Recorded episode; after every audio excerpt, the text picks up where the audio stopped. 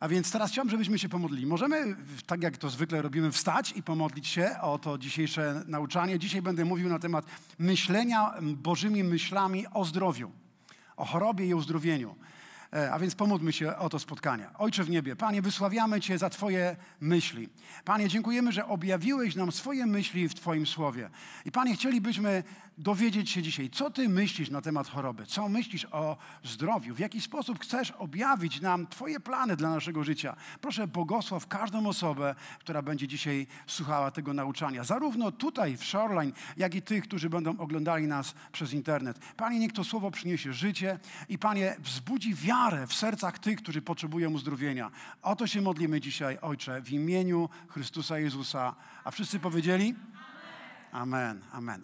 Będziemy czytali fragment, który czytamy zawsze na początku, Izajasz, 55 rozdział, a więc otwórzmy ten fragment Bożego Słowa. Izajasz, księga Izajasza, rozdział 55, to jest e, nasz główny werset, przez który, mm, od którego zaczynamy każde nasze nauczanie. Szósty werset. Szukajcie Pana, póki pozwala się znaleźć. Wzywajcie Go, dopóki jest blisko. Niech bezbożny porzuci swoją drogę, a przestępca swoje zamiary. Niech się nawróci do Pana, aby się nad nim zlitował, do naszego Boga, gdyż jest hojny w przebaczaniu. Bo moje myśli to nie myśli wasze, a wasze drogi to nie drogi moje, oświadcza Pan. Lecz jak niebiosa są wyższe niż ziemia, tak moje drogi są wyższe niż drogi wasze. I moje myśli są wyższe niż myśli wasze. Gdyż jak deszcz i śnieg spadają z nieba i już tam nie wracają, ale nawadniają ziemię, czynią ją urodzajną i kwitnącą, dają siewcy ziarno, jedzącym chleb. Tak jest z moim słowem, które wychodzi z moich ust. Nie wraca do mnie próżno, lecz wykonuje to, czego pragnę i spełnia pomyślnie to, z czym je wysłałem. To jest fragment Bożego Słowa, który czytamy zawsze na początku każdej części naszej, naszego cyklu nauczania myśleć myślami Bożymi. Jeśli oglądasz nas przez internet, cieszę się bardzo, że do nas dołączyłeś, bo mówimy o czymś bardzo ważnym. Mówimy o myślach, a od naszych myśli zależy o tym, jak myślimy dzisiaj, zależy, jak będzie wyglądało nasze jutro. A więc Bóg chce dać nam dobrą przyszłość. On powiedział: Ja wiem, jakie mam myśli o Was. Ja wiem, jakie mam myśli tutaj o tej parze. Ja wiem, jakie mam myśli o tej następnej parze, która jest z tyłu za nami. I o tej wdowie, która została sama. I Bóg mówi, ja myślę o pokoju, a nie o niedoli, aby natknąć Ciebie nadzieją i aby dać Ci przyszłość. Bez względu w jakim miejscu jesteś. Bóg mówi, moje myśli o Tobie są dobre. Ja pragnę tego, co najlepsze, abyście mieli absolutnie dobrą przyszłość. To jest dokładnie to, co mówi Bóg. Potrzebujemy uwierzyć w Boże myśli, dlatego że jest tak wiele różnych myśli, które, jest, które są negatywne i one ściągają nas w dół, ale każda myśl Boża, którą czytasz w Bożym Słowie, ona cię podniesie. Każda Boża myśl podniesie cię do góry, uczyni twoje życie silnym i zwycięskim. I to jest dokładnie to, co robimy teraz. Mówimy o Bożych myślach, bo Boże myśli są dobre. Aleluja, cieszę się, że zgadzacie się ze mną. Widzisz, dziewięć lat temu pisałem książkę. Książkę, która ma tytuł Dlaczego Bóg uzdrawia tylko niektórych ludzi? Odebrałem to od Pana Boga, aby taką książkę napisać. I kiedy już byłem na trzecim rozdziale, zobaczyłem, że coś złego się dzieje z moimi oczami. Po prostu traciłem pole widzenia. Więc w końcu udałem się do e, okulisty i okulista zbadał moje oczy i mówi, ma pan książko, książkowo zdrowe oczy. Ale po kolejnych badaniach stwierdził, że musi mnie wysłać na tomografię. Tomografię komputerową mózgu. I kiedy byłem na tej tomografii, zazwyczaj każdy, kto zrobił już badania, odbierał wyniki i odchodził z tymi wynikami. A lekarz, który, który mnie badał, powiedział, czy mogę pana poprosić do gabinetu? A ja mówię, o, o, jak mnie poprosi do gabinetu, to znaczy, że coś nie tak całkiem z tymi moimi badaniami. I kiedy, kiedy wszedłem do tego gabinetu, pokazał mi zdjęcie w komputerze. Oto jest to zdjęcie. Jeżeli możecie przyciemnić te światła, bo one w tym momencie bardzo mocno świecą. Myślę, że widzicie tam taki guzik około 5 centymetrów. Jeszcze jedno zdjęcie poproszę, to drugie. O, tu jest ten guz. Mniej więcej zajmował gdzieś z jedną czwartą przynajmniej półkuli mózgu. I kiedy lekarz mi to pokazał, jak myślicie, jak wtedy poczułem się, kiedy zobaczyłem to zdjęcie? Jak, czy, czy zdajesz sobie sprawę, jak czuje się człowiek, który patrzy w komputer u lekarza i widzi coś takiego jak guz, który ma prawie 5 centymetrów? Wiesz, kiedy to zobaczyłem, pomyślałem tak, wow, Chyba Bóg daje mi świadectwo do książki. Powiem wam, to było tak nienormalne myślenie, że kiedy wyszedłem do, do mojej żony, bo ona czekała tam na zewnątrz, powiedziałem, wiesz, tam taki coś tam pan znalazł, ale, ale wiesz, piszę książkę, więc Bóg na pewno chce mnie uzdrowić. I lekarz powiedział, nawet nie będę welfronu wyciągał, niech pan od razu jedzie na oddział neurochirurgii.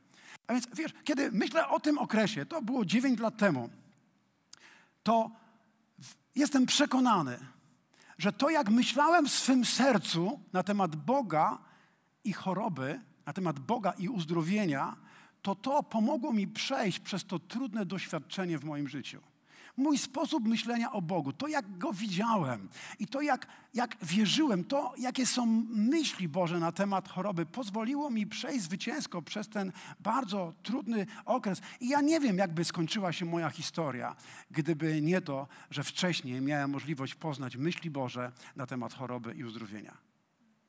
A więc to, co dzisiaj, czym się dzisiaj z Wami dzielę, możliwe, że pomoże Ci kiedyś przejść przez jakieś trudne doświadczenie. Możliwe, że pamiętasz jakiś, moment w swoim życiu, kiedy przechodziłeś przez trudną bitwę. Ale jakkolwiek jestem przekonany, że Bóg chce, abyśmy ciągle poznawali Jego myśli, abyśmy mogli nie tylko sami przez to przejść zwycięsko, co nas spotyka w życiu, ale też abyśmy mogli pomagać innym. Dlatego chcę dzisiaj pokazać Wam na podstawie tego fragmentu, który czytaliśmy z Księgi Izajasza, kilka bardzo ważnych i kilka ważnych kroków, które Bóg chce, abyśmy zrobili w, kilki, w kierunku uzdrowienia. I oto pierwszy krok w kierunku uzdrowienia. Zobaczcie, to jest w tym fragmencie, który jest tutaj, czytaliśmy z Księgi Izajasza. Niech bezbożny opuści swoją drogę albo porzuci swoją drogę, a człowiek nieprawy swoje myśli i niech wróci do Pana, a On się zlituje, niech wróci do naszego Boga, gdyż On jest hojny w przebaczaniu. Proszę zwróć uwagę na ten fragment Bożego Słowa. Niech bezbożny, człowiek, który żyje bez Boga, który na drodze jest bez Boga, albo ten, który ma nieprawe, nieprawy, człowiek nieprawy swoje myśli, czyli ktoś, kto nie żyje w Bożej prawości, jego myśli nie są, nie charakteryzują się Bożym sposobem myślenia. I Bóg mówi, pierwszym krokiem, który potrzebujesz, aby doświadczyć mnie, to musisz porzucić swoją drogę i porzucić swój, swój sposób myślenia. To jest pierwszy krok. Mamy go również tutaj e, wymienionego. Pierwszym krokiem w kierunku Bożego uzdrowienia jest porzucić swoją własną drogę.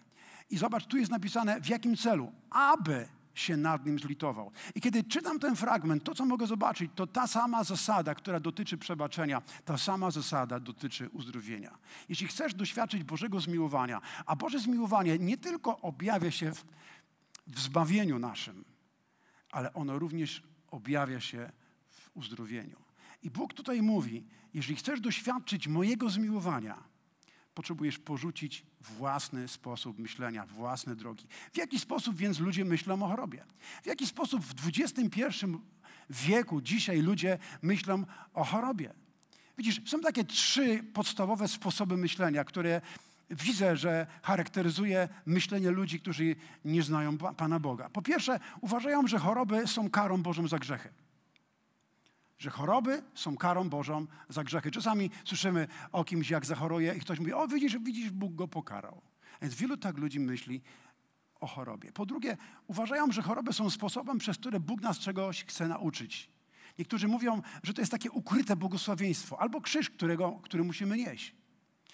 Jest też w Biblii takie miejsce, które mówi o cierniu Pawła. I niektórzy mówią, widzisz, kiedy Bóg dał mu łaskę, no to dał mu taki cierń. Ale ten cierń wcale nie mówi o chorobie Pawła. A więc wielu ludzi, nie rozumiejąc Boże Słowo, nie rozumiejąc Boże myśli, uważają, że choroby to takie po prostu błogosławieństwo, przez które Bóg nas chce coś nauczyć i coś w naszym życiu wypracować. W końcu trzeci sposób myślenia to to, że choroby, wielu ludzi tak uważa, że choroby są nierozerwalną częścią naszego życia. Po prostu nie mają nic wspólnego z Bogiem czy z diabłem. One po prostu są. Musimy to zaakceptować, że choroby są. A Bóg po prostu już nie zajmuje się uzdrowieniem, a więc musimy szukać pomocy w medycynie. I wielu ludzi w taki sposób myśli, dlatego nie szuka w ogóle u Boga i w Jego sposobie myślenia pomocy. Widzisz, Bóg mówi przez proroka Izajasza, tutaj w tym fragmencie. Jeśli chcecie poznać moje myśli o zdrowiu, to potrzebujecie porzucić własny sposób myślenia i zwrócić uwagę na moje słowo. I Bóg mówi, jak jest z Jego słowem. Pamiętacie? Tutaj czytaliśmy, że z moim słowem jest tak jak z deszczem i ze śniegiem. Kiedy ono, ono spada, deszcz i śnieg, ono nie wraca próżno, ono wykonuje jakąś pracę i Bóg chce wykonać pewną pracę jako lekarz w naszym ciele i chce nam pomóc przyjąć Boże uzdrowienie. A więc widzisz, teraz jaki jest drugi krok? Na podstawie tego fragmentu chcę pokazać Wam drugi krok. Drugim krokiem do uzdrowienia jest wiara w to, że Jego słowo jest napisane tutaj, nie wraca próżno, lecz wykonuje to, czego On pragnie i spełnia pomyślnie to, z czym to słowo zostało wysłane. A więc popatrz na ten fragment Bożego Słowa. Bóg tutaj mówi, potrzebujesz uwierzyć, że z moim słowem jest tak jak z deszczem i śniegiem. Myślę, że nikt z nas nie ma wątpliwości, że deszcz i śnieg, kiedy, kiedy deszcz i śnieg, kiedy spada z nieba, wykonuje jakąś pracę. Wiemy dobrze, że kiedy nie ma śniegu i nie ma deszczu, to potem może być problem ze zbiorami. A więc potrzebujemy śniegu i deszczu i on wykonuje pracę. I Bóg mówi, z moim słowem jest dokładnie tak samo. Moje słowo, które posyłam, to słowo spełnia to, czego On pragnie. A więc musisz wiedzieć, czego pragnie Bóg. Niektórzy z Was mówią, o, chyba Bóg nie pragnie mojego zdrowia. Ale wiesz, Bóg jest w Biblii jeden taki człowiek trędowaty, który nie wiedział, co jest Bożą wolą. Nie wiedział, czy Bóg chce go uzdrowić, czy nie. I któregoś dnia ten trędowaty przyszedł do Jezusa i powiedział, jeżeli, Panie Jezu, jeżeli chcesz, i tam to słowo wstępuje, słowo, jeżeli pragniesz, jeżeli chcesz, to możesz mnie uzdrowić. On nie wiedział, i wtedy Jezus powiedział: Chcę. I to słowo chcę znaczy pragnę. Bóg mówi: Pragnę Cię uzdrowić. Ja chcę Cię uzdrowić. Potrzebujesz tylko uwierzyć, że ja chcę. A więc widzisz, to jest to. Bóg mówi tutaj do nas. Potrzebujemy wierzyć, że On pragnie, dlatego posyła swoje słowo. I potrzebujemy również zrozumieć i uwierzyć w to, że słowo pomyślnie spełnia to, z czym Bóg je wysłał. I więc, jeżeli ono zakorzeni się w moim sercu albo w moim umyśle, może nie od razu będziesz widział uzdrowienie, ale musisz wierzyć w to, co jest tu napisane. I to jest drugi krok, że słowo pomyślnie spełni to, z czym zostało wysłane. Jeżeli są jakieś słowa, które zostały wysłane z uzdrowieniem, to te słowa spełnią pomyślnie Bożą wolę. To, czego Bóg dla mnie pragnie.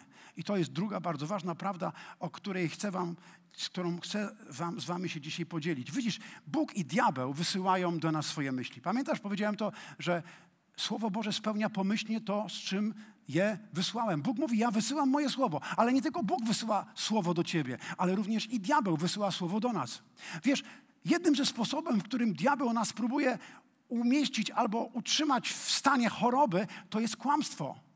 To jest kłamstwo właśnie o tym, że Bóg jest surowy, że to od diab- nie od diabła, tylko od Boga jest to choroba, że Bóg nie jest zainteresowany Tobą, że uzdrowienie nie jest dla wszystkich ludzi. To są wszystko kłamstwa. Te wszystkie kłamstwa diabeł utrzymuje po to, aby to słowo wykonało pracę. Te kłamstwo, aby wykonało pracę w Twoim życiu. A więc posłuchaj, zarówno Bóg, jak i diabeł wysyła myśli. Jeżeli będę uprawiał te negatywne, nieboże myśli, które posyła diabeł, który nazwany jest w Biblii ojcem kłamstwa, to one wypro- wyprodukują i rozwiną w moim swoim ciele chorobę. I czy w to wierzysz, czy nie, to słowo nie wraca puste, ale wykonuje pomyślnie to, z czym jest wysłane. Jeżeli jest słowo przez diabła wysłane, to to słowo wykona jakąś pracę w Twoim ciele. Jeżeli przyjmiesz do swojego słowa, do swojego serca i będziesz pielęgnował Boże myśli, Boże myśli o uzdrowieniu, to Jego słowo spełni pomyślnie to, z czym je wysłałem. I to słowo wyprodukuje w Twoim ciele zdrowie i przyniesie Ci uzdrowienie. Amen?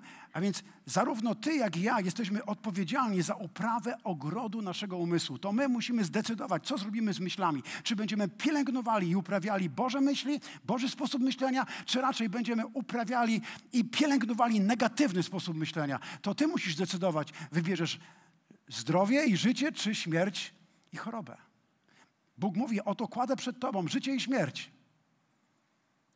Błogosławieństwo i przekleństwo. To jest nasza odpowiedzialność, to jest Twój wybór, które myśli będziesz pielęgnował, które myśli przyjmiesz do swojego serca. Czy Boże myśli, czy złe myśli.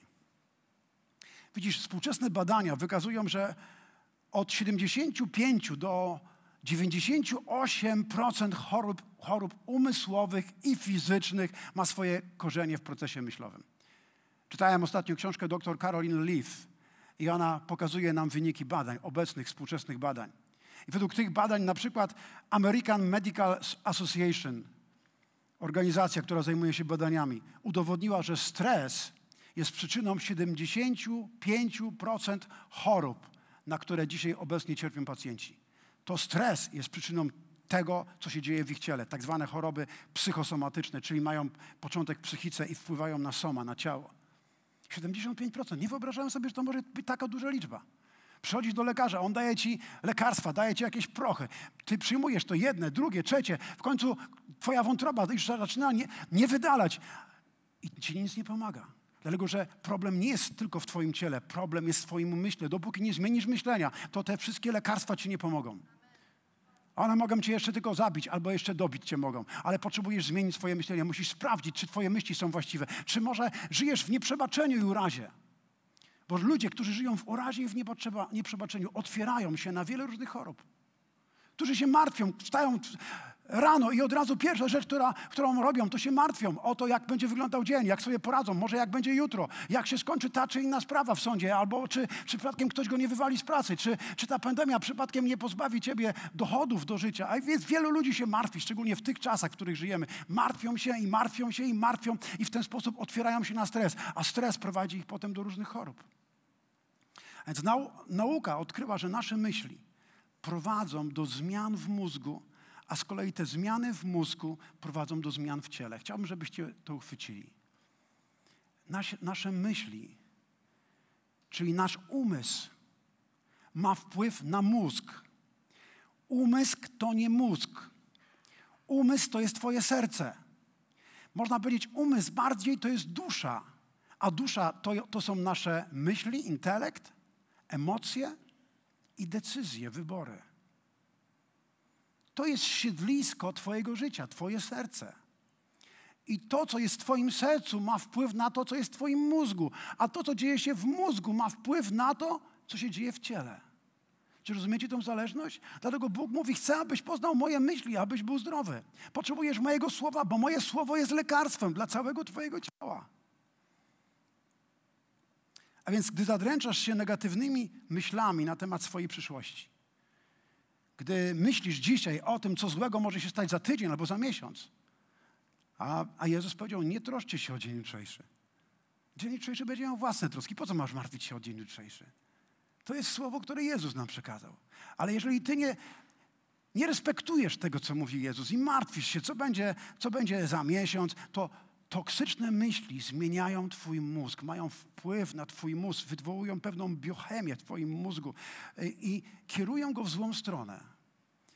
Ta zła strona to jest życie w stresie. W tym tygodniu robiliśmy badania mózgu nasz, mojej córki Sary. Sara poszła do okulisty w związku z tym, że, że miała problemy ze wzrokiem, miała bóle głowy i takie zamglenia obrazu. I, I, kiedy poszła do okulistki i okulistka ją badała, pytała się, czy ktoś w, pa, w, pani rodzinie miał jakieś problemy z mózgiem? A ona mówi, tata miał guza mózgu. O, to musi pani zrobić koniecznie tomografię mózgu, bo może pani ma jakiegoś guza. A więc jeżeli słyszę od okulistki, że może pani ma guza, to, to myślę, że to może spowodować jakąś troskę. I ona się zamartwiała. Ona myślała o tym, czy, czy przypadkiem to nie... A ona jeszcze lekarka powiedziała, wie pani, to może być dziedziczne? Słyszeliście o tak zwanych chorobach pokoleniowych, genetycznych, wiecie, przekleństwach pokoleniowych. A więc ona się martwiła. I dzięki pomocy jednej z sióstr Kościoła przyspieszyliśmy te, te badania i ona z końcu zrobiła badania. Ale ja siedziałem tam totalnie wyluzowany i wiedziałem, że będzie wszystko dobrze. Ale ona potrzebowała upewnić się. Ale widzisz, my, my musimy przede wszystkim upewnić się, co Bóg myśli na temat choroby. Bo wiesz, Różne diagnozy słyszymy, różne rzeczy przychodzą do naszego życia, ale musimy upewnić się, co Bóg myśli na temat choroby. Dlatego, tak jak powiedziałem, kiedy zaczynamy myśleć ciągle na zapas do przodu, że może będzie źle albo że jest źle, to wtedy te myśli zapraszają diabła do naszego ciała, wpływają na, na nasz mózg, wywołują stres i przyciągają choroby naszego życia. I w ten sposób ludzie zapraszają do swojego życia wiele strasznych chorób. Więc Bóg daje nam drogę wyjścia. Zobaczcie, przypowieści Salomona, 10 rozdział, 24 werset. Tam jest napisane, to przed czym drży bezbożny, w tym tłumaczeniu, które ja mam, jest napisane, to czego się obawia bezbożny, to dosięga go. Sprawiedliwemu zaś spełnia to, spełnia, spełniają się jego pragnienia. Pomyśl przez chwilę jeszcze i popatrzmy na ten fragment. To przed czym drży bezbożny. Pamiętacie werset, od którego zaczęliśmy? Niech bezbożny porzuci swoją drogę A przestępca, człowiek nieprawy, bo tutaj jest napisane człowiek w oryginale, człowiek nieprawy, nie przestępca, że złodziej albo bandyta. Człowiek, który nie żyje w prawości Bożej. Swoje zamysły, swoje zamiary. A więc widzisz, to przed czym drży człowiek, który żyje bez Boga. To przychodzi do jego życia. Jeśli żyjesz bez Boga, to znaczy, że twoje życie nie charakteryzuje się Bożymi myślami. Nie żyjesz Bożymi myślami. To, czego się obawiasz, to przychodzi do Twojego życia. Ale człowiek, który jest tutaj napisane, który jest sprawiedliwy. Kto to jest sprawiedliwy? Kto żyje w Chrystusie bo Chrystus jest naszą sprawiedliwością. On, który nie znał grzechu, Bóg tego, którego nie znał grzechu, za nas grzechem uczynił, abyśmy w Nim byli sprawiedliwością Bożą. Ja jestem sprawiedliwy w Chrystusie, a Biblia mówi, że to, czego pragnie sprawiedliwy, to będzie mu dane. To, czego pragnę, to, to o czym marzę, to będzie mi dane, bo ja idę za Bożymi myślami, idę za Bożymi pragnieniami i kiedy idę za Bożymi pragnieniami, to się tak Bogu podoba, że mówi, o Gabrielu, dajmy mu to, co, czego on pragnie, bo on myśli moimi myślami, a kiedy myślisz Bożymi myślami, Bóg staje za swoim słowem i jest arcy arcykapłanem Twojego wyznania i Twojego myślenia. Halleluja! Powiedzcie halleluja! Potrzebujemy uchwycić to. A więc widzisz, kiedy rozmyślasz o jakiejś, o jakiejś myśli, bez względu, czy to jest pozytywna, czy negatywna myśl, wtedy tworzysz nowe połączenia neuronowe, takie neo, neuroprzekaźniki pojawiają się w Twoim, mnóstwo jest ich, miliardy, miliardy, może miliardy przekaźników tych neuronów i tworzysz takie ścieżki w mózgu. Nie mam tego zdjęcia, aby wam to pokazać, bo, bo czytając tą książkę widziałem i trochę po, pooglądałem różnych takich ciekawych badań o tych różnych neuroprzekaźnikach. Widzisz, dosłownie mamy takie miliardy ścieżek neuronów w naszym mózgu. Wyobraźcie sobie teraz te, te miliardy ścieżek. Im częściej o czymś myślisz, tym więcej takich połączeń się tworzy. Tworzy się jakby taka ga, takie gałęzie, takie drzewa się pojawiają neuronowe, takie ścieżki z tych neuronów. I czym więcej o tym myślisz, tym łatwiej jest znowu wrócić do tych myśli. Zauważyliście, że tak to działa u nas? Czym więcej o czymś myślisz, tym łatwiej do tego wrócić? To tak działa. A czym więcej myślisz o tych różnych rzeczach negatywnych, w końcu te myśli stają się tak zwaną myślą domyślną. E, domyślną myślą. Tak w komputerze, są tak, wiecie, ustawienia domyślne. Jak klikasz, reset robisz, przywracasz ustawienia domyślne, to wraca ta myśl, która była na początku, to te ustawienia, które są na początku, były na początku. I wtedy, jak dużo myślisz o czymś, to to tworzy tak zwaną domyślną myśl. Takie ustawienia domyślne w twoim, w twoim mózgu.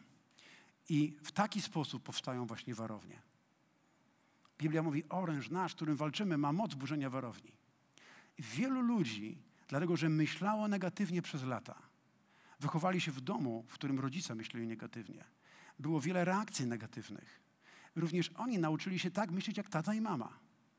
Przyjęli te sposoby myślenia ojca i matki. I potem to stało się ich domyślną myślą. Ich ustawieniem domyślnym. I w końcu nawracamy się i przechodzimy do kościoła. Ale mamy w swoim życiu, w swoim umyśle, nie w mózgu, ale w umyśle, mamy te ścieżki ścieżki neuronów, które się wytworzyły. Reakcje, które są zawsze takie same. My nie chcemy, ale jednak tak reagujemy. A więc jeżeli wierzysz wystarczająco długo i rozmyślasz o czymś, to może to spowodować warownię. Ja kiedy myślę o warowni, to myślę o takiej warowni kłamstwa.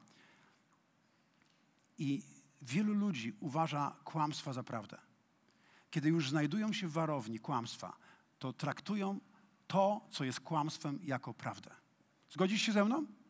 Wielu ludzi tak długo o czymś myślało, co było kłamstwem, że uznali w końcu to kłamstwo za prawdę. Myślę, że jest wiele różnych nauk ludzkich w denominacyjnych kościołach, które tak naprawdę przez pokolenia myśleliśmy w taki sposób, bo tak babcia myślała, tak dziadek myślał, tak pra, pra, pra dziadka, pra dziadek myślał i tak w końcu ja też myślę i w końcu zaczynamy uznawać pewne myśli, które są kłamstwem, za prawdę i w ten sposób wierzymy. I w ten sposób też diabeł okrada nas z Bożego błogosławieństwa i z tego wszystkiego, co Bóg dla nas przygotował. Potrzebujemy zburzyć te warownie diabelskie. Musimy sprawdzić, skonfrontować to z Bożym myśleniem, zobaczyć, co Bóg mówi, jak Bóg myśli i przyjąć Jego myślenie. Tak naprawdę moglibyśmy to porównać, to myślenie i te ścieżki neuronów z trawnikiem, który mamy w ogródku. Czy ma ktoś z Was jakiś ogródek? Ja, ja dwa lata temu posadziłem trawę posadziłem trawę w moim ogródku, ale teraz wyobraźcie sobie, gdybym, gdybym posadził trawę, świeżutka, zieloniutka trawa i przez 100 dni ciągle chodził jedną drogą, jedną drogą, wydeptałbym pewną ścieżkę. Tak jest często z naszymi myślami. Jeżeli ciągle myślimy o czymś, jeżeli to jest negatywna myśl, czy to pozytywna myśl, jeżeli ciągle myślisz w ten sam sposób, to w pewnym momencie zaczynasz wydeptywać pewną ścieżkę. Ta ścieżka staje się już taka trwała, taka utrwalona w Twoim życiu i w końcu zaczynasz wierzyć, to, to co, co, co jest, jest prawdą. A więc co by się stało, gdybyś zdecydował się, kiedy patrzysz na Boże Słowo i kiedy patrzysz, co Bóg mówi i co Bóg myśli, stwierdziłeś, że ścieżka, którą wydeptałeś, nie jest wcale Bożą ścieżką, to nie jest Boża droga, to, są, to nie są Boże myśli. Niech bezbożny opuści tą drogę, która jest nieboża, niech, niech porzuci te złe zamysły, którymi, według których ciągle żyłeś i niech po prostu wydepta nową ścieżkę. A więc gdybyś zostawił ją na 100 dni, przez 100 dni byś po niej nie chodził i zacząłbyś chodzić nową drogą, nową ścieżką, w końcu wydeptałbyś no, nowe kierunki myślenia, nowe ścieżki neuronów, i zacząłbyś wzrastać w zdrowiu, zacząłbyś wzrastać w nowym sposobie patrzenia i w ten sposób mógłbyś pokonać warownię i zniszczyć ją. To jest dokładnie to, co dzisiaj odkrywa nauka. A Słowo Boże mówi tak: nie upadabniajcie się do tego świata, ale się przemieńcie przez odnowienie umysłu swego, abyście umieli rozróżnić, co jest wolą Bożą, co jest dobre, miłe i doskonałe. Zobaczcie, nauka potwierdza coś, co mówił apostoł Paweł w liście do Rzymian. Nie upadabniajcie się do tego świata. Pamiętacie, jak myśli świat na temat choroby? Ale Bóg mówi tutaj, nie upodobniajmy się do tego świata. Nie myślmy tak jak świat. Przemieńcie się przez odnowienie umysłu swojego. Pozostawcie tą ścieżkę, którą chodziłeś przez 100 dni. Wydeptaj nową ścieżkę. Wiesz, co się stanie z tą starą? Po jakimś czasie, po 100 dniach, kiedy nie będziesz po niej chodził? Zarośnie. Po prostu zarośnie, zdziczeje. Pojawi się nowa ścieżka. Musisz pozwolić, żeby niektóre stare ścieżki po prostu zarosły. I nowe ścieżki potrzebujesz wytworzyć, myślenia w swoim umyśle, aby to wpłynęło na Twój mózg. Kiedy czytam różne książki, biografie ludzi, zarówno w historii Kościoła, jak i we współczesnej historii Kościoła, to czasami czytam o takich ludziach jak Smith Wigglesworth, jak, jak John G. Lake, jak Kenneth Hagin, czy jeden taki człowiek, który dzisiaj tak samo żyje i, i, jest dla mnie też świadectwem, to Andrew Womack. I oni mówią, że, że oni nie używają lekarstw. Nie używają. Nie wiem, czy wiecie, Smith Wigglesworth, jedną książkę w życiu, którą czytał, to była Biblia. Można powiedzieć, że o jedynie jedynie o Bożych myślach myślał w swoim życiu. Nawet gazet nie czytał.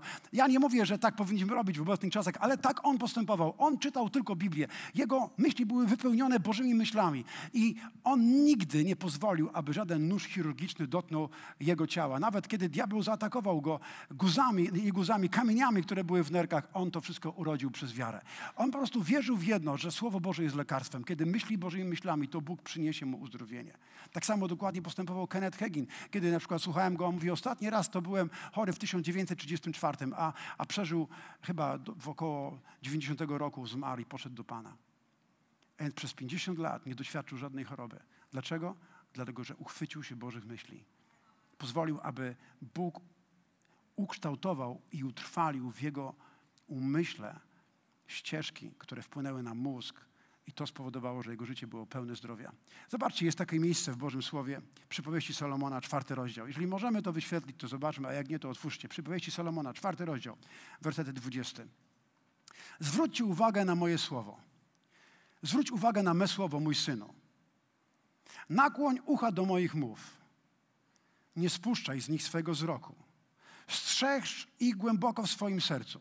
Możesz tu napisać swoim umyśle bo są życiem dla tych, którzy je znajdują i lekarstwem dla całego ich ciała. Powiedzcie, dla całego ciała. Bóg mówi, moje słowo jest lekarstwem dla całego ciała. To znaczy dla każdej choroby, która by próbowała dotknąć Twojego ciała. I dalej czytamy w Bożym Słowie. Najczujniej ze wszystkiego strzeż swojego serca, swojego umysłu, bo z niego tryska źródło życia. To jest zachęta, którą daje nam Salomon. I ona jest zgodna dokładnie z tym, co pisał Izajasz. Zwróć uwagę na moje słowa. Nakłoń ucha do moich mów. Nie spuszczaj z nich swojego wzroku. Strzeż głęboko w swoim sercu. Czujniej niż wszystkiego innego strzeż swojego serca. Czujniej niż wszystkiego innego strzeż swoich myśli. Bo to od, od tego, jak myślisz w sercu, będzie zależało, jakie ścieżki wypracuje Twój, jakie ścieżki pojawią się w mózgu. i co to wytworzy w Twoim ciele. A więc zacznijmy strzec Jego słowa. Jeżeli byśmy myśleli myślami Bożymi, to z całą pewnością to przyniesie zdrowie dla całego naszego ciała, tak jak tu jest napisane. Moje słowo, moje myśli, Bóg mówi, są lekarstwem dla całego ich ciała. A teraz chcę Wam pokazać, w jaki sposób Bóg chce być Twoim lekarzem. Otworzymy sobie drugą Mojżeszową, 15 rozdział. Chcę Wam pokazać, odetnijcie, sobie, odetnijcie tak sobie trochę. Możecie się napić wody, jak macie. Zobaczmy. Jest pewne miejsce, to jest miejsce, w którym Bóg po raz pierwszy objawił się Izraelowi jako lekarz. Czy wiecie, w którym momencie to się stało? Miejsce, w którym po raz pierwszy Bóg powiedział: Ja, Pan, Twój lekarz. Izrael został wyprowadzony potężną Bożą ręką z Egiptu i kiedy szli przez pustynię, już trzy dni, czytamy tutaj, że szli przez pustynię trzy dni i nie znaleźli wody. W końcu przybyli do Mara, lecz tam nie mogli pić wody, ponieważ była gorzka. To jest 15 rozdział, werset 23. Wówczas lud zaczął szemrać przeciw Mojżeszowi. Co będziemy pić? Narzekali. Mojżesz udał się z tym do Pana, a Pan skierował jego uwagę na pewne drzewo. Gdy Mojżesz wrzucił je do wody, woda stała się słodka. Co Bóg zrobił, aby im pomóc? Halo? Nie, nie, co Bóg zrobił konkretnie? Bo Bóg jest bardzo praktyczny. Gdy Mojżesz przyszedł do Boga, Pan skierował jego uwagę na pewne drzewo. Bóg skierował jego uwagę na pewne drzewo. Powiedział: weź to drzewo i wrzuć do wody. I to drzewo przyniesie uzdrowienie. Wiecie, ja myślę, że to drzewo było takim archetypem, było czymś, co było pewnym symbolem drzewa, na którym Bóg dał nam uzdrowienie. I Bóg dzisiaj również nam, dzisiaj kieruje nasz wzrok na drzewo, na krzyż. Możesz szukać uzdrowienia w wielu różnych źródłach. I nie twierdzę, że nie znajdziesz jakiejś pomocy. Ale pomoc od Boga związana jest z krzyżem. Dlatego apostoł Paweł mówi: Mowa o krzyżu jest głupstwem dla tych, którzy giną, ale dla nas, którzy wierzymy, jest mocą Bożą. Dzisiaj mieliśmy wieczerzę pańską. My roz, rozmawialiśmy, ogłaszaliśmy śmierć pańską na krzyżu. Mówiliśmy o ciele Jezusa, w którym jest uzdrowienie, o krwi, w którym jest przebaczenie i sprawiedliwość. I tutaj czytamy, że Bóg skierował uwagę na drzewo. A więc odpowiedzią Boga, zobaczcie, na narzekanie i szemranie Jego ludu było skierowanie ich uwagi na Jego słowo i na to, o czym On mówi.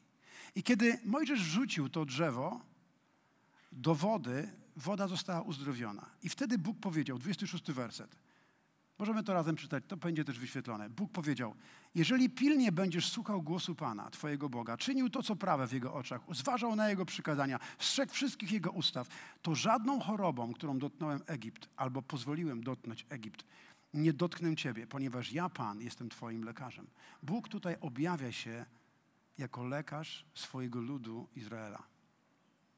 Ja, Pan, Twój lekarz. Ale kiedy Bóg mówi, będę Twoim lekarzem?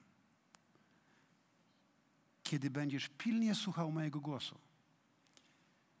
Kiedy będziesz myślał moimi myślami. Pamiętacie przypowieści Salomona? Czytaliśmy o tym, strzeż czujniej niż wszystkiego innego mojego serca. Musisz tam przygotować, przechowywać moje myśli.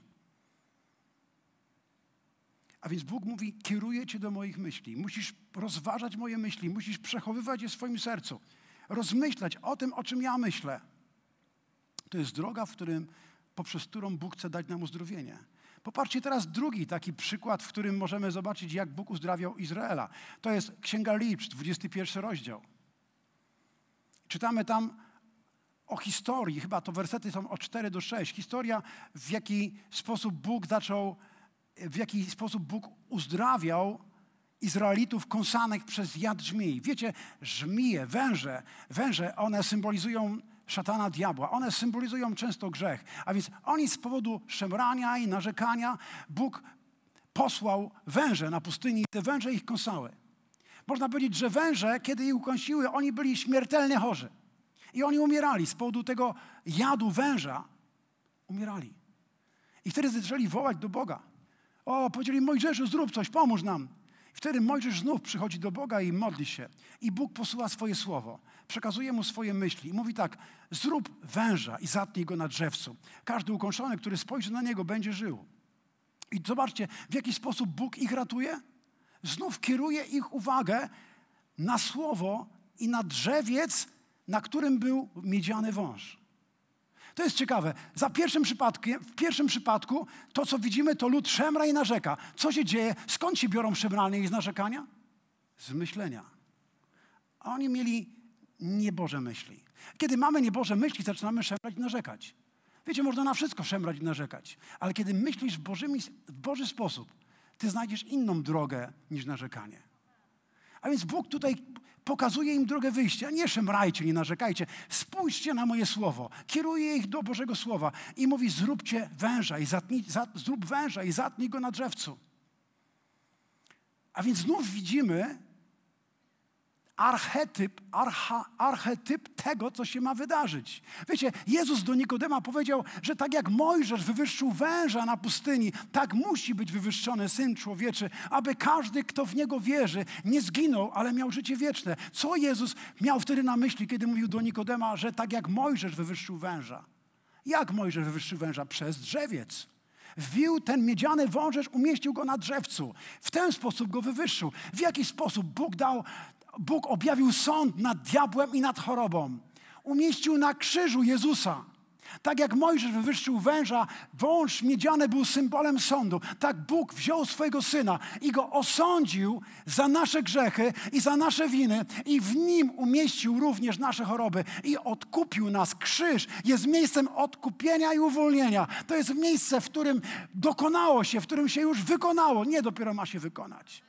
Tam się już coś dokonało. Moje uzdrowienie i Twoje uzdrowienie, moje przebaczenie i Twoje przebaczenie. I tak jak Mojżesz wywyższył węża, tak my dzisiaj, Kościół, potrzebujemy dalej wywyższać Jezusa. My nie wywyższamy Jezusa wieszając krzyże. Mamy tutaj symbol, symbol krzyża, ale nie wywyższamy krzyża, ale wywyższamy tego, który na krzyżu odkupił nas z naszych grzechów i również uwolnił nas z naszych chorób. I Biblia mówi, że kiedy wywyższymy na drzewie, tak jak, jak Mojżesz na drzewie wywyższył wywyższył węża. Tak, jeśli my wywyższymy, co to znaczy wywyższymy? Objawimy Boże myśli. Objawimy to, co się dokonało. To, co dokonało się w ciele Jezusa i w Jego świętej, drogocennej krwi. Kiedy będziemy o tym mówili i rozmyślali, kiedy będziemy wypowiadali to dla, dla ludzi, oni będą zdrowi. Otrzymają uzdrowienie. Halleluja, powiedzcie halleluja. Widzisz, jest takie miejsce, Psalm 107 który opisuje drogę, w jaki sposób Bóg uzdrawiał Izraelitów. Czytamy tutaj, możemy otworzyć to albo wyświetlmy. Psalm 107, 17-20. Czytamy tutaj o Izraelitach. Potracili rozum przez swoje nieprawości, przez swoje winy cierpieli. Ha, mocne słowo. Potracili rozum. Co to znaczy stracili rozum? Czy stracili mózgi? Co oni stracili? Boży sposób myślenia utracili Boży sposób myślenia. Przestali myśleć myślami Bożymi. Przestali myśleć tak, jak Bóg myśli. I tutaj czytamy, że zaczęli cierpieć z powodu swoich win. Obrzyd im wszelki pokarm. Stanęli na progu śmierci. Wtedy w swej niedoli wołali do Pana. A On ich wyzwolił z ich pognębienia. Posłał swoje słowo, aby ich uleczyć. Zobaczcie, tutaj jest wyraźnie napisane, w jaki sposób Bóg chce nam pomóc, w jaki sposób chce być lekarzem naszym. Bóg posłał swoje słowo, aby ich uleczyć. Posłał swoje słowo i uzdrowił ich, ochronił ich przed całkowitym zniszczeniem. Kiedy, kiedy cierpieli z powodu węży, które ich kąsały, co Bóg zrobił? Posłał swoje słowo. Powiedział, zrób drzewiec, wbij tam węża miedzianego, a ten, kto będzie na niego patrzył, nie zginie, ale będzie miał życie. Bóg dał ratunek, posłał swoje słowo. Wiecie, Biblia mówi, że przyszedł taki moment, w którym słowo stało się ciałem. Na początku było słowo i ono było u Boga, a potem słowo stało się ciałem i zamieszkało pośród nas. To słowo Bóg posyłał, aby uzdrawiać Izraelitów. Ale potem, kiedy przyszedł czas, kiedy wypełnił się czas, Bóg posłał swego syna i słowo stało się ciałem i zamieszkało pośród nas i ujrzeliśmy Jego chwałę. I o kim tutaj Biblia mówi? O imieniu Jezus. Słowo, które stało się ciało, to jest Chrystus Jezus. Kiedy On przyszedł na ziemię, możemy zobaczyć, co Jezus robił. Możemy zobaczyć, popatrzmy na Mateusza, czwarty rozdział. Możemy zobaczyć Łukasza, e, Mateusza, ósmy rozdział, siedemnasty werset. I tak wiele mógłbym wersetów wymieniać, ale nie mamy na to czasu. Czytamy tutaj. I obchodził Jezus całą Galileę, nauczając w ich synagogach, głosząc Ewangelię o Królestwie i uzdrawiając wszelką chorobę i wszelką niemoc wśród ludów. Powiedzcie ze mną, wszelką chorobę. Jezus uzdrawiał wszelką chorobę i wszelką niemoc wśród ludu. Wśród jakiego ludu? On uzdrawiał pogan, czy może wtedy uzdrawiał Izraelitów? Kiedy Greczynka zaczęła wołać, uzdrów moją córkę, a on powiedział, nie można brać chleb dzieci i rzucać szczeniątom. Pozwól, aby najpierw, powiedzcie ze mną najpierw. Jezus powiedział najpierw. Kiedy Jezus przyszedł do momentu ukrzyżowania, to był czas dla Żydów. I oni mogli się nasycić Bożym uzdrowieniem. Ale od momentu ukrzyżowania Jezus już nie jest tym lekarzem tylko jednego narodu. Jezus jest lekarzem wszystkich ludzi. Twoim moim lekarzem. On chce, abyśmy się nasycili Bożym uzdrowieniem, abyśmy przyjęli Boże uzdrowienie, abyśmy zaczęli myśleć tak, jak Bóg myśli. Kiedy Izraelici zaczęli myśleć o Bogu jako lekarza, lekarzu, kiedy przyjmowali Jego słowo, wtedy On ich uzdrawiał. Kiedy my zaczynamy myśleć o Jezusie jako lekarzu i przyjmujemy Jego słowo, wtedy On stanie za swoim słowem i uzdrowi Ciebie i mnie. To jest Boża droga do uzdrowienia. Hallelujah. Czytamy tutaj, że Jezus zdrawiał wszystkich. Wszelką niemoc wśród ludu. I rozeszła się wieść o nim po całej Syrii. I przynosili do niego wszystkich, którzy się źle mieli i byli nawiedzeni różnymi chorobami, cierpieniami, opętanych, epileptyków, sparaliżowanych, a on uzdrawiał ich. Rozeszła się wieść. Czy, nie, czy to, to miasto nie potrzebuje tej wieści na nowo? Czy nie potrzebuje usłyszeć Bożych myśli? Czy nie potrzebuje usłyszeć, że Jezus jest lekarzem, że nie ma innego Zbawiciela i nie ma w nikim innym zbawienia ani uzdrowienia, jak tylko w imieniu Jezus? Musimy tak zacząć myśleć, aby w żaden sposób żadna negatywna zła myśl choroby nie znalazła dostępu do naszych ścieżek neuronów i naszego myślenia. Widzisz, znakiem charakterystycznym służby Jezusa, Jezusa Chrystusa na ziemi były uzdrowienia i uwolnienia. Uzdrowienia i cuda. Dlatego, kiedy ludzie słyszeli imię Jezus, to kojarzyli, kojarzyli go z uzdrowieniem. Słyszeli imię, Jezus, a myśleli lekarz.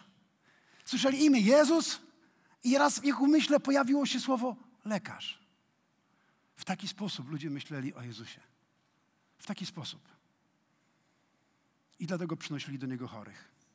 Dlaczego chorzy do szpitala dzisiaj przychodzą? Dlaczego szukają pomocy w medycynie? Dlaczego nie szukają w Jezusie? Bo nie myślą o Nim jako lekarzu. Po prostu. Nie wierzą w to, że On może im pomóc. To jest powód. Dlaczego w mieście Spokane w Waszyngtonie szpitale opustoszały, a wszystkich chorych przynoszono do pokoju uzdrowienia, który prowadził John G. Lake? Bo rozeszła się wieść o nim, o Jezusie, nie o lejku, że Jezus jest lekarzem. Czy to jest możliwe dzisiaj?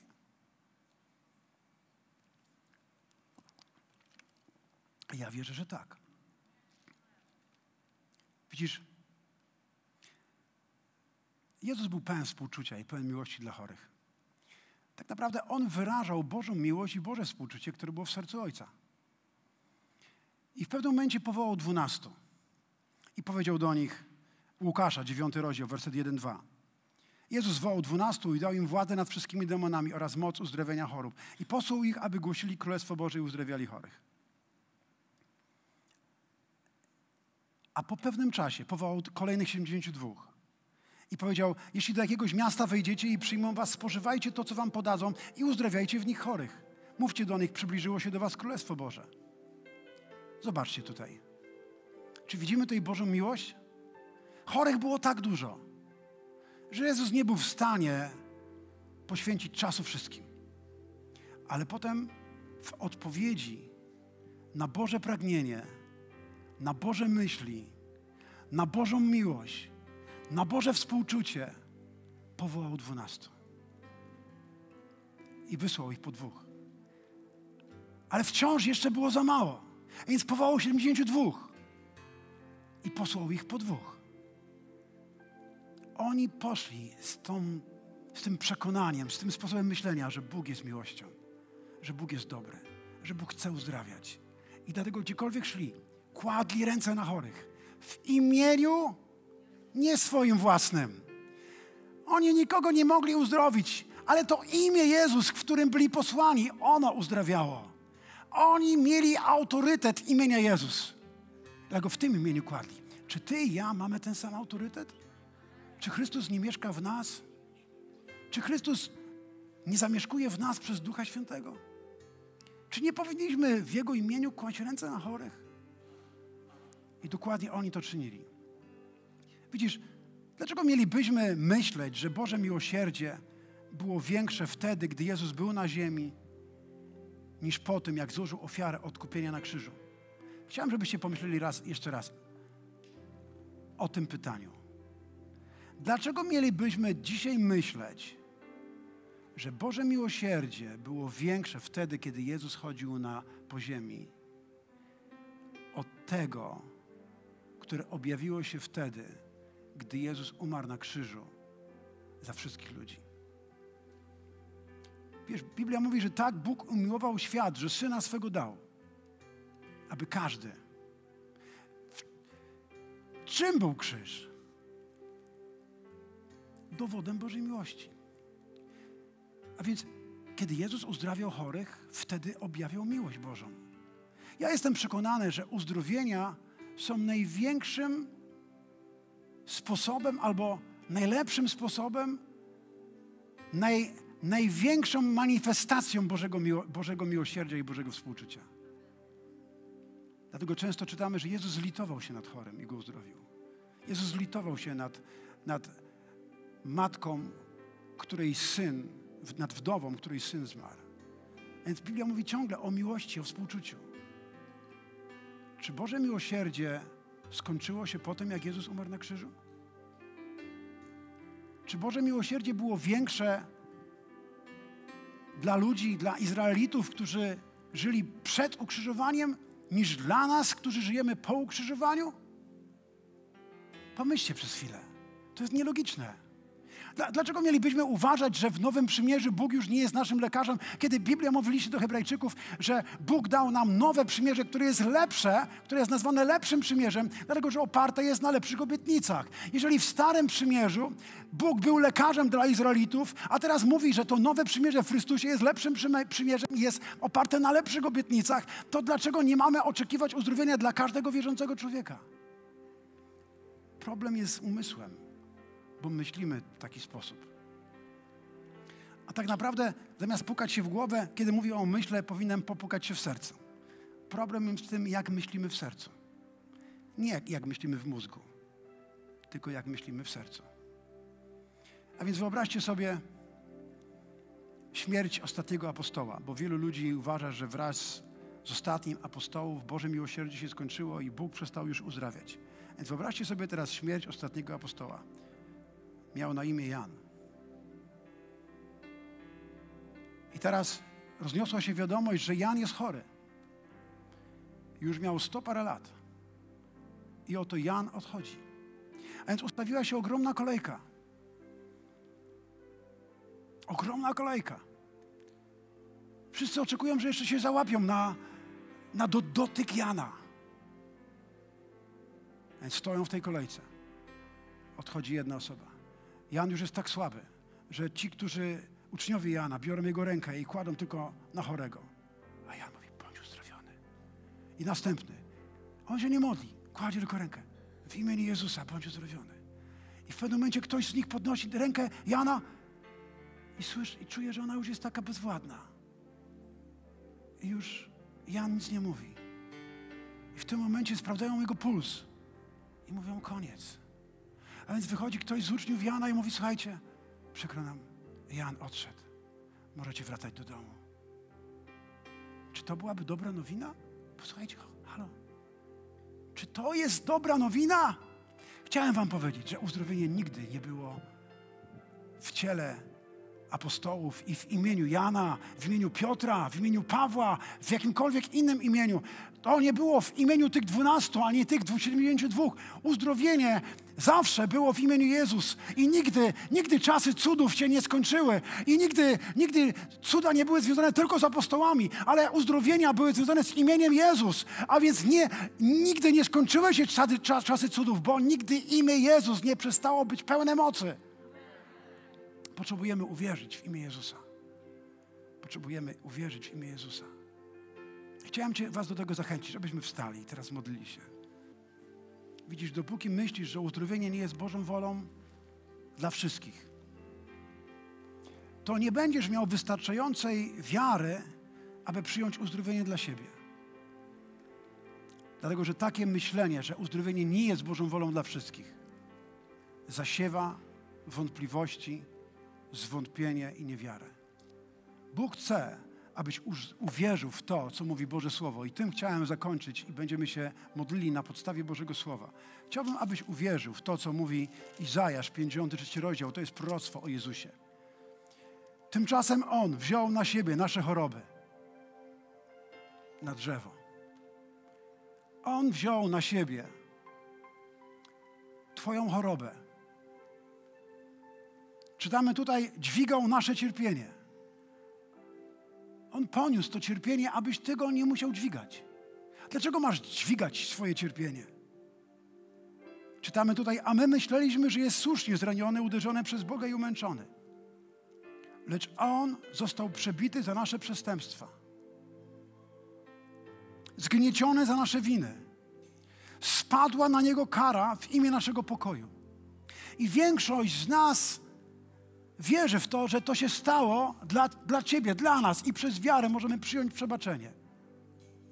Jakoś łatwiej nam wierzyć w tą część proroctwa Izajasza, które mówi, że On został przebity za nasze przestępstwa, zgnieciony za nasze winy, spadła w imię naszego pokoju z Bogiem, kara na Niego. I kiedy wierzymy w to, to przez wiarę przyjmujemy to, co tak naprawdę już się stało. To się nie ma stać, to się już stało. Ty tylko przyjmujesz coś, co Bóg już Ci dał w Chrystusie. Nie musisz na to zasłużyć. To jest przez łaskę, to jest przez wiarę z Bożej łaski, a więc przez wiarę przyjmujesz to.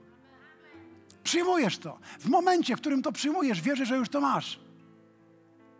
Nie czekasz na jakieś znaki z nieba. Ty po prostu wierzysz, że już to masz. Ale tu jest napisane, że Jezus nie tylko wziął nasze winy, tu jest napisane, że On również, że wziął nasze choroby. Tymczasem On wziął na siebie nasze choroby, dźwigał nasze cierpienia, a Jego ranami zostaliśmy uleczeni. Tu jest napisane czas przeszły dokonany. Jego ranami zostaliśmy uleczeni. Nie będziemy uleczeni, bo Jego rany już się dokonały w Jego ofierze, w Jego odkupieniu. W Jego ranach jest Twoje uzdrowienie. Możesz zamknąć swoje oczy i zobaczyć, zobaczyć Jezusa na krzyżu. Przez wiarę. Żyjemy w czasach, w których mieliśmy możliwość oglądać, przynajmniej większość z nas chyba to zrobiło, oglądać pasję Mela Gibsona. Widzieliśmy, jak Jezus był torturowany, widzieliśmy, jak był biczowany, widzieliśmy, jak był poraniony, widzieliśmy, jak koronę cierniową wkładano na jego, na jego. Myślę, że nam jest łatwiej dzisiaj wierzyć w to, co powiedział Izajasz, niż tym, którzy nie mieli jeszcze TV. Ale to nie jest przez to, co zobaczysz, ale przez to, co uwierzysz w sercu. To nie jest przez oglądanie filmu Mela Gibsona Pasja. To jest przez to, co uwierzysz w sercu. A więc jeżeli uwierzysz w sercu, że Jezus wziął Twoją chorobę, że wziął Twoje cierpienie, zobaczysz swoją chorobę na Jezusa ciele, w Jego ranach, uzdrowienie, to w tym momencie doświadczysz tego, co, mówiło Boże, co mówi Boże Słowo. Że moje Słowo nie wraca puste, ale pomyślnie wykonuje to, czego pragnę i to, z czym je wysłałem. Chcę Ci powiedzieć, że Bóg pragnie Twojego zdrowia i wysłał swojego Syna Jezusa jako Słowo, które stało się ciałem, aby w Nim dać Ci uzdrowienie. Bo On pragnie Twojego zdrowia. I zaczniesz tak myśleć, ogłaszać Boże Słowo, wierzyć w to, przyjmować, to Bóg stanie za Twoją wiarą i będziesz mógł oglądać swoje uzdrowienie. A teraz, jeżeli ktoś z Was potrzebuje teraz zmiany myślenia odnośnie uzdrowienia, odnośnie choroby i potrzebuje przyjąć uzdrowienie, chce o tę osobę pomodlić się, chce również pomodlić się o tych, którzy nas oglądają, bo wierzę, że Bóg może dotknąć Ciebie teraz. A więc w pierwszej kolejności chcemy pomodlić się o uzdrowienie fizyczne. Więc jeżeli potrzebujesz uzdrowienia, po prostu połóż swoją rękę na swoim ciele, możesz gdzieś na, w okolicach serca. I chciałbym teraz, abyś powtórzył za mną słowa tej modlitwy. I będziemy wierzyli, że Bóg stanie za swoim słowem i za wiarą naszą. Ojcze w niebie, powtarzaj za mną, Ojcze w niebie, dziękuję, że posłałeś swego Syna. Dziękuję, że Słowo stało się ciałem i zamieszkało pośród nas. I dziękuję Ci, że Jezus jako Słowo poszedł na krzyż i przebaczył moje wszystkie winy. Wziął moje wszystkie choroby. Wierzę, że Twoją wolą jest, Panie, abym doświadczył dzisiaj Twojego uzdrowienia. Dlatego wierzę, że Ty pragniesz mojego zdrowia i dałeś mi je w Chrystusie Jezusie. I teraz przyjmuję moje uzdrowienie. Przyjmuję moc sińców i ran do swojego ciała i wraz z nim przyjmuję uzdrowienie z moich chorób. Mówię teraz, diable szatanie, odejdź precz od mojego ciała. Nie masz już władzy nade mną. Jestem odkupiony krwią Chrystusa. I uzdrowienie jest moim dziedzictwem. Dlatego mówię do choroby teraz w imieniu Jezusa. Odejdź precz z mojego ciała.